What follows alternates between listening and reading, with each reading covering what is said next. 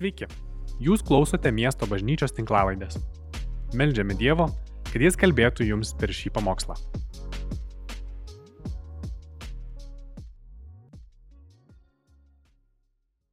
Sveiki. Kalbam toliau šiandien apie ateities bažnyčią, apie tai, kad e, kokia yra ta bažnyčia ateityje, kuri, taip sakant, išgyvens, kuri bus aktuali, kuri bus kažką tai gyvybę teikiančio visuomeniai. Ir tai kalbam apie tai, kad tai nėra bažnyčia, kuri labai išprūsusi naudojant socialinės medijas ar kažkaip labai futuristiškai atrodanti. Tai yra bažnyčia, kuri turi atsakymus visuomenės klausimams ir yra kitokia tiesiog visuomeniai, turi kitokią dvasę ir gyvena kitaip. Ir šiandien mes kalbėsime apie tai, Kokį atsakymą mes turim visuomeniai, kuri yra susiskaldžiusi? Pakviesiu jūs grįžti mintimis į pavasarį, į tą laiką, kai vyko diskusijos apie, apie Stambulo konvenciją, kai vyko šeimų maršiai ir kiti protestai. Um, aš kaip tai prisiminiau, taip galvojau, o, taip seniai atrodo, nes tiek daug dar svarbių dalykų nuo to laiko spėjo įvykti, ar ne, bet iš tikrųjų tai buvo tik pusę metų atgal, kai, kai visa šalis buvo kažkaip susikaupusi ties to vieno klausimo. Ir iš tikrųjų tai buvo tik tai vienas pavyzdys turbūt arba pasireiškimas to, kas iš tikrųjų yra visuomenės viduj. Karantinas, baime, nesaugumas, atsiskirimas vieni nuo kitų, tiesiog tai pariškino, tiesiog tai buvo gera erdvė tai ugniai e, užsikurti, ar ne? Po to buvo kiti klausimai ir dabar mes tą susiskaldimą į kiekvieną iš jų galim, taip sakant, pritaikyti. Tai yra vakcinacijos klausimai, e, kaukių, galimybių pasų ir bus dar ateinančiais mėnesiais dar temų, dar klausimų, kurio, kuriais mūsų visuomenė bus susi, įsi, įsijautusi ir susirūpinusi ir mes ir ten rasim būdą pasidalinti į stovyklas, išreikšti um, nepykantą, išreikšti neprieimimą vienas kitam. Uh, tai kokia, kokia bažnyčia yra tokioje vat atmosferoje, kokią atsakymą turi bažnyčia, nes dažnai bažnyčia yra tokia pati kaip ir visuomenė. Mano vienas tikintis pažįstamas tuo metu, kai vyko šeimų maršas, tokį papaustino savo Facebook'o puslapį, tokia išsireiškia, kad maždaug jeigu tu ten buvai, tai gali mane pašalinti iš draugų. Ir jis buvo ne vienas, tuo metu buvo daug tokių žmonių, galbūt ir tu matei tarp savo draugų, kurie va, tokią žinutę siuntė. Jeigu tu ten buvai, ten tave gali pasakyti man ate, gali mane ištrinti iš draugų, arba jeigu tu nebuvai, tu netikras krikščionis. Ir dar toliau, taip toliau ir taip toliau. Ir žmonės tai daro iš, mes tai darom iš uolumo. Aš pats prisipažįstu, kad kai kurios žmonės tikrai norisi ištrinti iš draugų. Galbūt tu netgi buvai toks žmogus, kuris parašė uh, Facebook'e savo, kad maždaug jūs visi esate durni, kaip jūs galite taip galvoti. Arba tiesiog tyliai ištriniai ten. Šitas mane nervina, šitas mane užkniso, šitas nesąmonė šneka, man stresą kelia, širdies spaudimą uh, ir taip toliau. Tai yra realybė. Aš prisipažįstu, aš irgi kai kurios noriu ištrinti, dar nesu nieko ištrinęs, bet e, spaudimas kyla kartais ir, ir, ir ką daryti.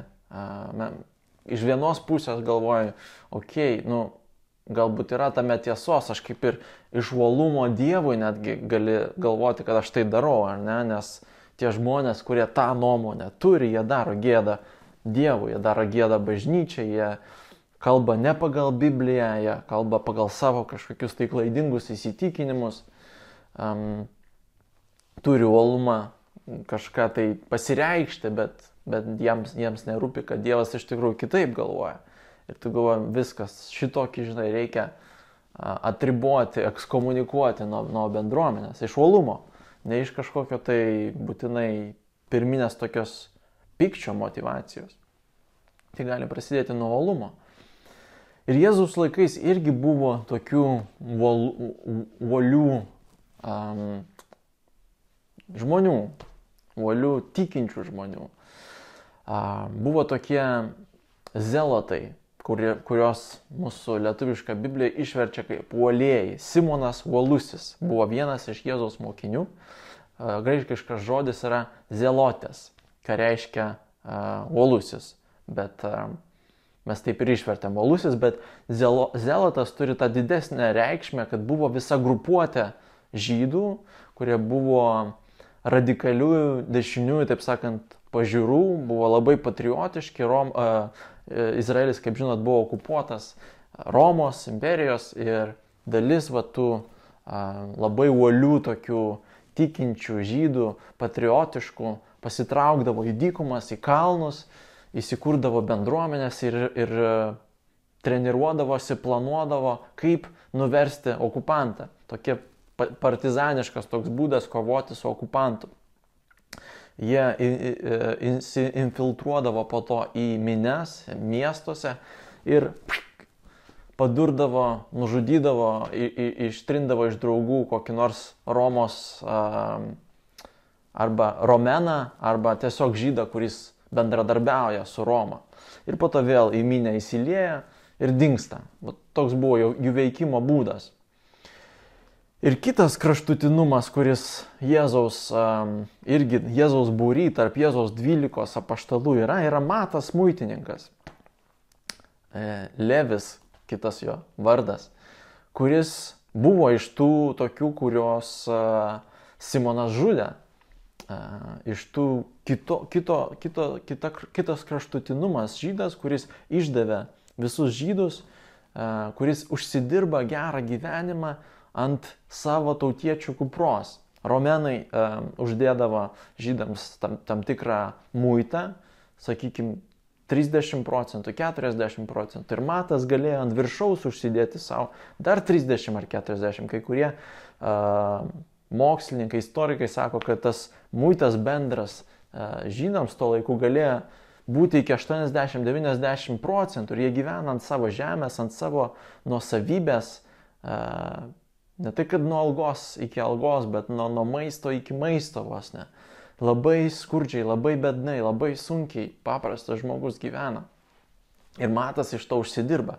Jis nėra toksai mielas, man, aš manau, kad jis nebuvo toks mielas, kaip jį pavaizduoja Chosen serialė, toksai uh, pusiau autistas. Man atrodo, jis turėjo būti gan blogas, toks užkėtėjęs žmogus, kad galėti taip daryti sa, savo tautai ir apskritai žmogui taip daryti, tokį, taip naudotis žmonių sunkumais, žmonių gyvenimais, kad tau būtų geriau. Ir šitie du kraštutinumai abu seka Jėzumi.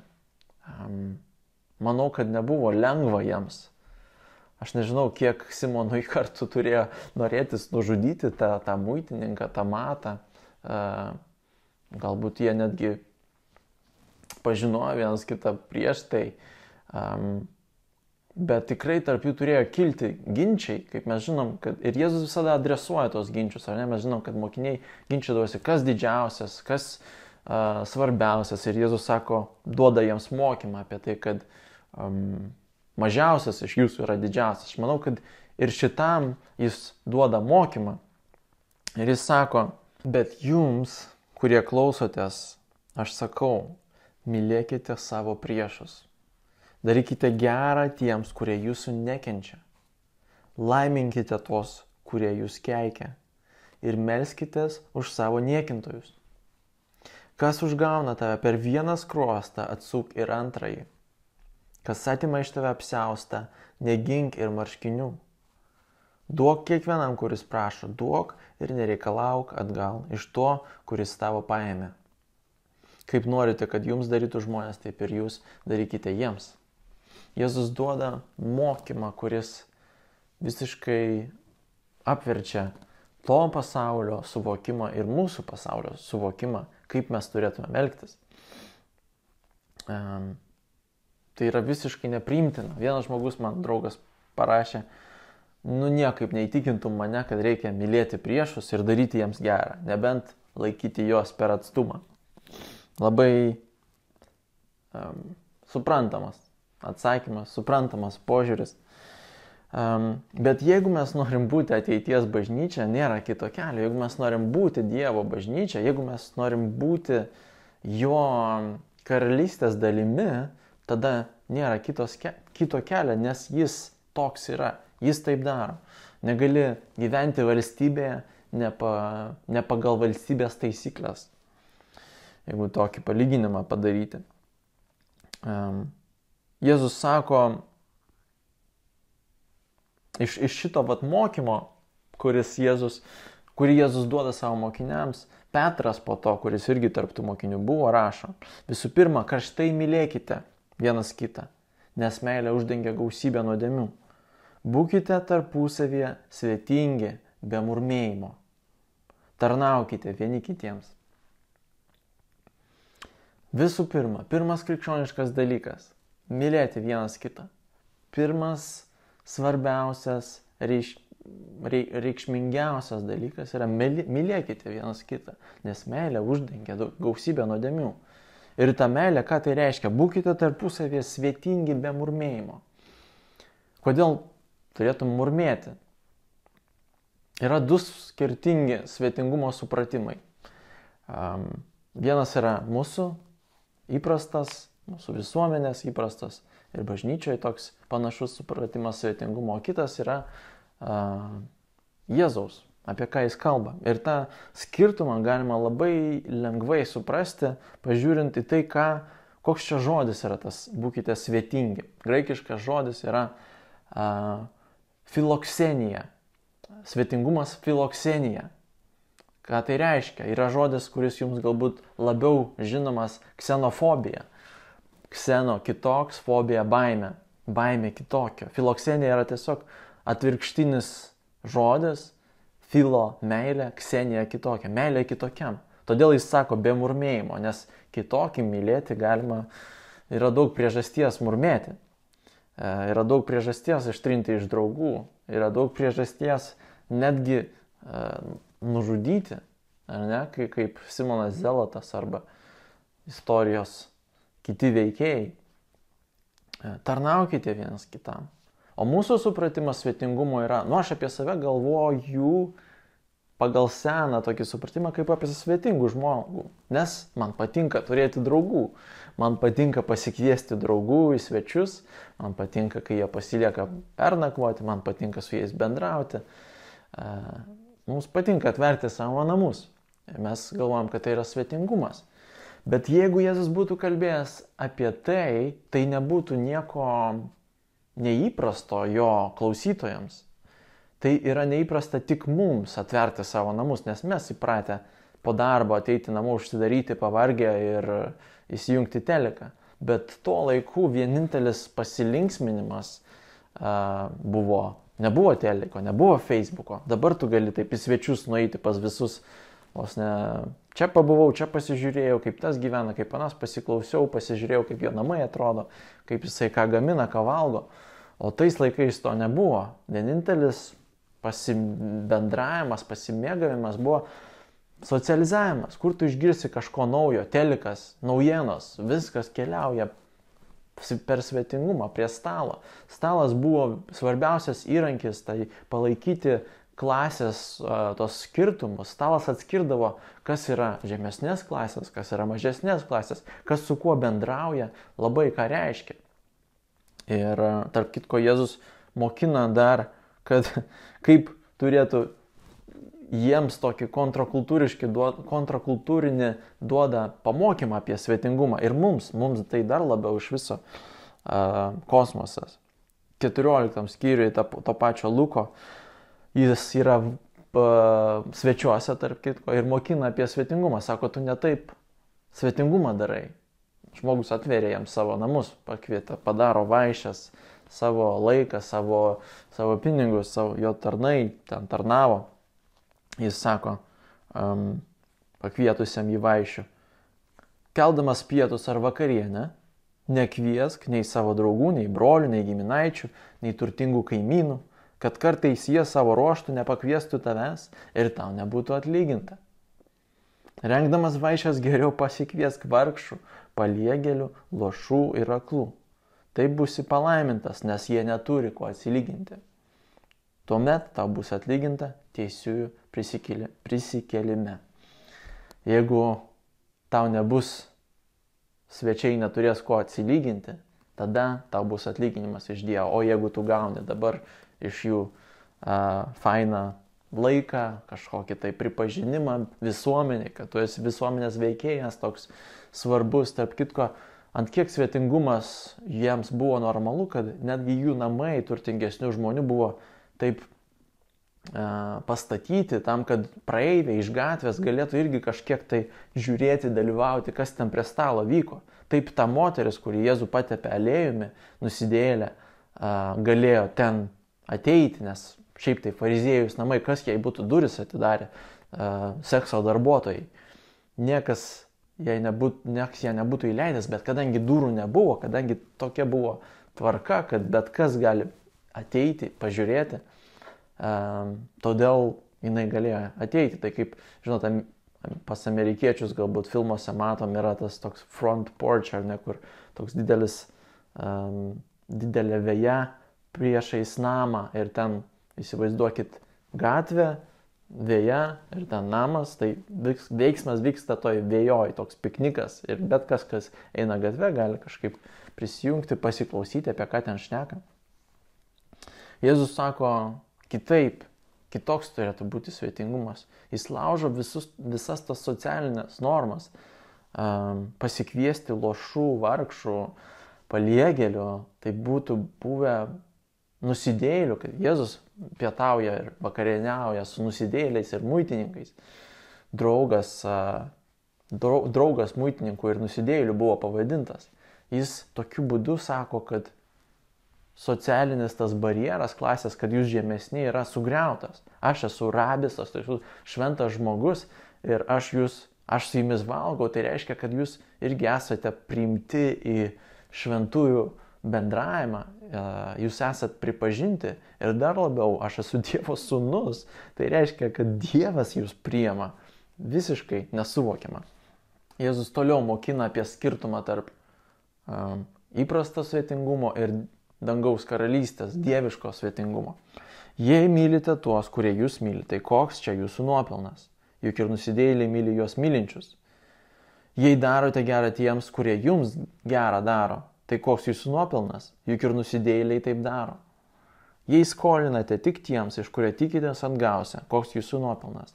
Juk ir nusidėjėliai skolina nusidėjėliams, kad atgautų paskolą jis padaro tą tokį palyginimą, ar ne? Tai, tai kame jūs esat ateities bažnyčia, jeigu jūs viską tą patį darot kaip, kaip ir visuomenė, jeigu jūs taip pat gyvenat, taip pat ginčiatės, tos pačius žmonės taip pat mėgstat ant savo partijas, savo frakcijas, žmonės, kurie jūsų panašaus, panašių pomėgių, išsilavinimo, jeigu jūs neturit tos filoksenijos, kitokio meilės, kuo jūs esate Dievo žmonės.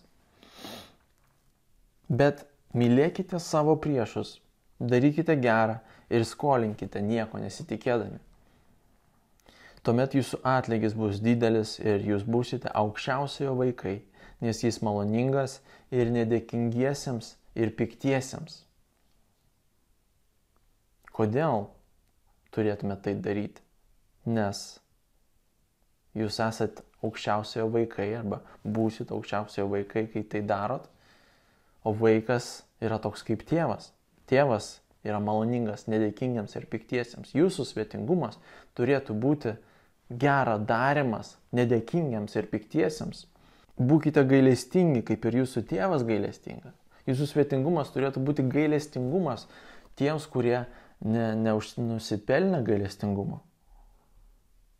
Neteiskite ir nebusite teisiami, nesmerkite ir nebusite pasmerkti Atleiskite ir jums bus atleista. Duokite ir jums bus duota, saika gera, prikimšta, sukratyta ir su kaupu duos jums į užantį.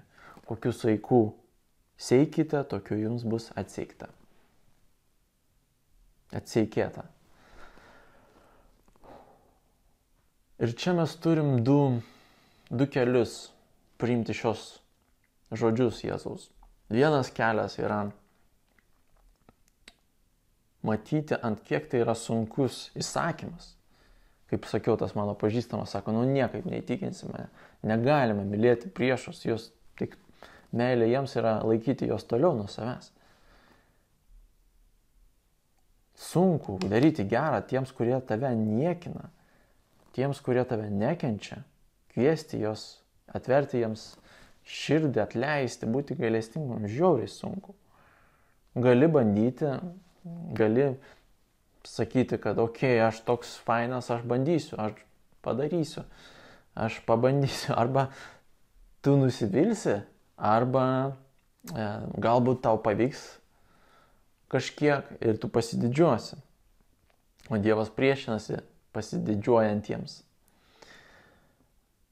toks, toks kelias slegia, kai mes žiūrim į tą įsakymo dydį, įsakymo kitoniškumą nuo to, ką mes randam viduje, tai mus slegia. Geriau, geriau iš tikrųjų nusivilti, nei kad mus, pas, mums pasisiektų ir mes pasididžiuotume.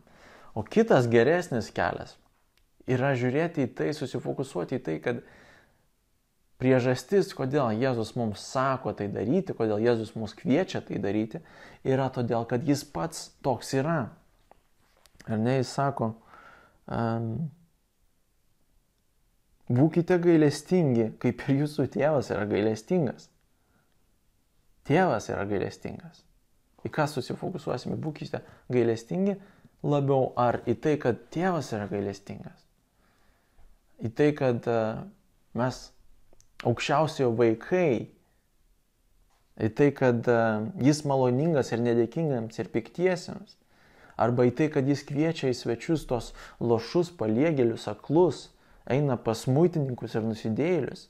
Ir kai mes suprantam, kad Dieve, tai aš esu tas muitininkas ir nusidėjėlis, aš esu tas, kuris nusideda prieš artimą, tas, kuris negali prisitaikyti prie tavo taisyklių, prie tavo uh, širdies, tos priimančios, mylinčios širdies, tas, kuris negali mylėti savo priešų, tas, kuris kenkia tavo, tavo vardui, kenkia tavo bažnyčiai, negalėdamas taip gyventi. Aš esu tas, kuris ginčiasi, aš esu tas, kuris nori ištrinti iš draugų tą kitokį, neturiu filoksenijos.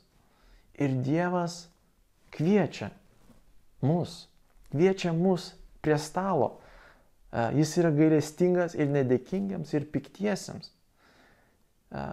Problema yra, kai mes nesuvokiam, kad mes esam tie paliegėliai, tie akli ir loši, kai mes galvojam, kad mums viskas gerai, kad mes iš tikrųjų gal ir bandysim mm, taip gyventi, mes iš tikrųjų gal ir esam tie teisingi.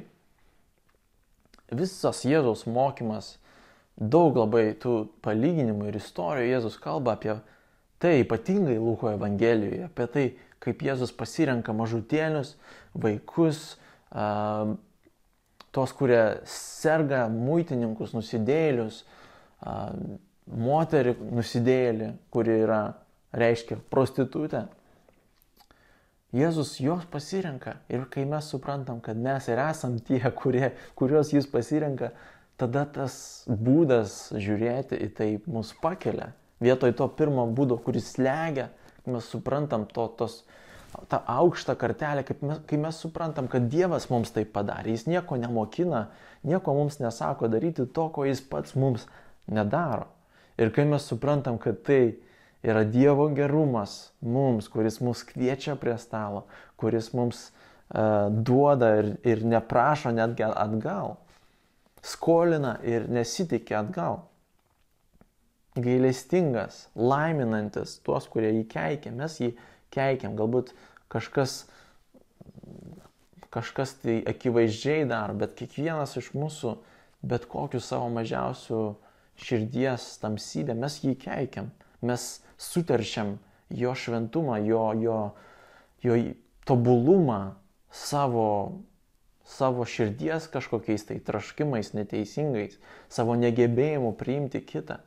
Mes jį nuolat keikiam, mes jį nuolat liūdinam. Ir Dievas mums yra geras. Dievas visus tos dalykus perskaitykim dar kartą, kad suprastumėm, koks Dievas mums yra. Bet jums, kurie klausotės, aš sakau, mylėkite savo priešus. Mes esam Dievo priešai, kurios Dievas myli. Darykite gerą tiems, kurie jūsų nekenčia.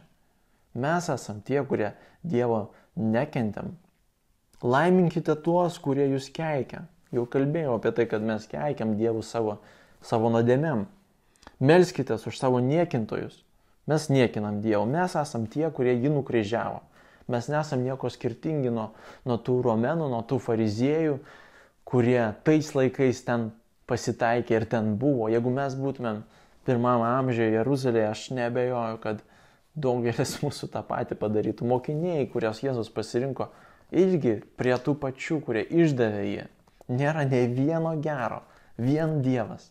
Ir kai mes suvokiam, kad Dievas mums tada, nepaisant to, daro gerą, nepaisant to myli, būtent priešus mus myli, tada mes sakom, oh, ačiū Dieve, ačiū tau, kad, kad tu išlėjai man tokią, tokį gailestingumą. Ir tada mes galim būti gailestingi, kai tu suvoki, kad tau ką tik davė, kai tu suvoki, kad tavo piniginė turi lėšų, tu gali dalinti, mes nieko negalim duoti, ko patys neturim. Negali iš piniginės duoti, jeigu neturi ten kupiūrų, tu gali norėti duoti, bet jeigu neturi, neturi gavęs iš Dievo to gailestingumo suvokimo, kad tu buvai jo priešas, tai nieko ir negalėsi duoti, nieko negalėsi, norėjai, norėk nenorėjęs, nieko nebus. Einam prie pritaikymo. Tikiuosi, pamatėt, iš kokios pusės mes ateinam prie to pritaikymo. Ne iš tos pusės, kad dabar aš eisiu vykdyti, pažiūrėsiu čia pro langą, kas toks labiausiai kitoks iš, iš kaimynų, man kas labiausiai toks man nepatinkantis ir tu ateik pas mane svečius, aš užsitarnausiu atlygį pas Dievą. Ne taip, mes suvokiam, kad mes esam tie kitokie nuo Dievo. Mes esam tie kseno Dievui ir jis mus filo, jis parodo mums tą kitokio meilę, tą kitokį svetingumą, ne mūsų svetingumą, kurį mes įpratėm, kad draugus kviečiame svečius, ne bažnyčiokus, bet kitokio meilę, kitokio svetingumą, tas to, kurį neturėtum mylėti pagal pasaulio taisyklės, tas, kuris nieko neduos, tas, kuris nieko vertas, tas, kuris netgi nekenčia ir keikia tave. Mes tie esam ir ta laisvė mums duoda galimybę pritaikyti. Taigi, kas yra tavo priešas? Kas tavo mm, asmeninis priešas? Galbūt um, esi labai taik, taiklus, kaip aš, netaiklus, o taik, taiką mylintis žmogus ir neturi priešų, galvoju, nu kas čia mane gali nemėgti, kas, kas čia gali mane keikti. Aš su visais draugauju. Aš irgi taip galvojau, mes čia su Vaida perskaitėm tą vietą ir galvojom, kas mūsų priešas yra. Nu neturim tų priešų, mes tokie draugiški. Bet po to kitą dieną Vaida sako, um, kaip dėl tos kaimynės iš ten kelinto aukšto, kuri, kuriai nepatiko, kad mes nupiešėm ant um, prie durų, pas mus taip nebuvo niekada to tokio numerio būto ar ne ir visada kurjeriai ateina ir kažkaip ieško, kyla į viršų, grįžta atgal. Buvo taip pieštukų vos, vos matosi, reikia įsižiūrėti. Taip. Tai aš tiesiog paėmiau markerį, taip paryškinau šalia durų. Um, ir jai labai nepatiko, sako, nu ką čia nesąmonę daro, tai papiešėt ant sienų, mes remontą darom, jūs sienas, sienas gadinat. Mes taip biškin ne, nesupratom, pagalvom, nu čia toks ir taip buvo ten jau nupiešta ir vos vos matosi, nu ko čia kabinėjasi, žinai, prie kažkokių nesąmonių. Ir nieko nedarėm ilgą laiką, bet uh, supratom, kad galbūt ta moteris kiekvieną kartą, kai leidžiasi pro mūsų būtą, galvoja, ah, tipo, vėl tie kažkokie, dar jeigu sužinotų, kad mes krikščionis, tai turbūt iš viso gėdą padarytumėm bažnyčiai, tai galvom, nu reikia ištrinti, reikia ištrinti, galbūt reikia jai kokią dar dovaną, padovanoti duonos iškepti, tokią taikos ženklą atnešti. Kas yra tavo priešas, galbūt tu nežinai, kad, kad kažkas tave nekenčia, bet manau, vertas klausimas visada galvoti, palauk, kas, kas toks galėtų būti. Visada yra toks, dažnai yra kaimynas, man atrodo, arba bent jau iš savo patirties pas mus yra kaimynas, kuris mus nemėgsta. Um, eik, padaryk jam dovaną, padaryk jam gerą, pasimelsk už jį, patarnauk jam kažkaip, tai jam bus šokas, ta prasme, taip nedaroma pasaulyje. Kažkas, su kuriuo turėjai ginčiai, su kuriuo nesusitaikiai, eik, padaryk jam gerą, pasimelsk už jį, sakyk, arba nieko nesakyk, bet galbūt jis paklaus, ko čia darai, sakyk, nu Dievas man, aš buvau susiginčijęs su Dievu ir jis man padarė dovaną, jis man atleido, jis man padarė gerą, nepaisant to, kad aš jį e, nekenčiu, nekenčiau, jis mane išgelbėjo, jis mane priėmė, aš noriu tą patį daryti. Kas yra mūsų bažnyčios priešas, galvojant taip sluoksniais ar ne, pirmas asmeninis, po to mūsų bažnyčios, ar, ar mūsų bažnyčia turi priešų. Aš irgi apie tai mąstydamas, nu, nu kam, kas gali būti bažnyčios priešas, nu tikrai nėra. Bet po to pagalvojau, mes Vilniui, kai kurie nežinot, nuomojamės patalpas um, sekmadieniais, ten pat, kur vyksta šokių vakarai um, vidutinio amžiaus žmonėm diskoteka, kitai, kitais žodžiais. Ir jie ten palieka savo dalę aparatūros kampe ir mes kartais, kadangi ten stovi, paimam kažką, pasinaudojam ir daug, daug žmonių yra, kurie tarnauja, savanoriauja, ne visi žino, ne, nes ne, ne viską sužiūrim ir kažkas ten e, būna arba paima jų stovą ten kokį nors užrakina pas mus sandėlį tvark, tvarkantis, po to buvo per kalėdinį Paskutinis kartas buvo per, per kalėdinį susitikimą, ten mes kažką su jų lempom padarėm ir ne, negražinom atgal. Ir aš kadangi su ją, tą moterį, su tą moterim turiu vadovę, tą jų šokių turiu kažkaip susidarę taip ryšį, jinai man visada skambina. Ir aš jau kai matau sėkmanį, tai po, po pietų kokią ketvirtą valandą, kai ateina ruoštis, jos vardą telefonė, aš toks, oh, vargę, vėl bus problema, vėl kažką pamiršom, vėl kažką nepadarėm. Ir paskutinį kartą jinai labai supyko, sakė, su tom lempom kažkas ne taip. Ir jinai bendrauja su, ten, su to žmogum, kuris uh, tas lempas tvarko kažkaip padėjėjas jos. Ir jis to irgi toks piktas, aš girdžiu per telefoną. Ir jis sako, kas čia, kas čia tai daro, kas čia tai daro. Nu, bažnyčia, kas, kas, bažnyčia tai daro. Ir aš taip, ačiū Dievui, pratilėjau, nieko ten, ne, po to galvojau, pirmos tokios po to reakcijos buvo, gal reikėjo gintis, tai ko čia paliekat savo aparatūrą, mums irgi nepatogu, nesaugu ir taip toliau. Bet po to jaučiu, kad Dievas sako, ne, mylėkit savo priešus. Tai galvoju, reikia kažkaip, kažkaip mes tokį neutralų su jais santyki bandėm palaikyti, nei, nei Nei taip, nei taip, nieko gero jiems niekada nesam darę. Bent jau tikslingai, su, su mintim, kad darykit gerą tiems, kurie jūs nekenčia. Tai galvoju, reikia kažkaip už juos melstis ir e, galbūt kokią nors dovaną padaryti, jeigu, jeigu susitarsim su bendruomenė, jeigu bendruomenė patikės tuo. Um, kitas dalykas, kas yra mūsų kaip krikščionių apskritai priešas.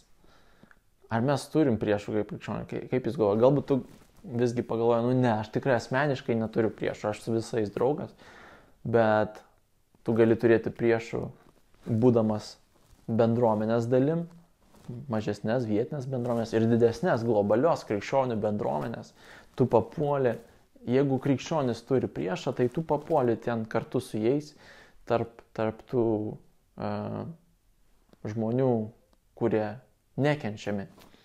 Ir aš galvoju, mūsų dabartiniam vat, kontekste, visam pasaulyje ir Lietuvoje krikščionis labai pagarsėjo kaip nekenčiantis homoseksualius žmonės, visą LGBTQ bendruomenę, mus galvoja, kad mes priešai, neseniai esu sutikęs žmogų kaiminystėje, tiesiog pradėjom kalbėtis žaidimo aikštelė ir jis sako, aš persikrauščiau Vilnių dėl to, kad mano mieste iš mane tyčiojasi, mano miestas netoral, netoral, netolerantiškas ir jinai vat, yra irgi homoseksual, homoseksualus žmogus um, su tavo orientacija ir jinai daro sprendimą savo gyvenimo, kur gyventi, priklausomai nuo, nuo priešų. Ir jos supratime, aš sakau, kaip, kaip adaptacija čia Vilniui. Sako, nu, buvo neramubiški, kai buvo maršai, bet šiaip gerai.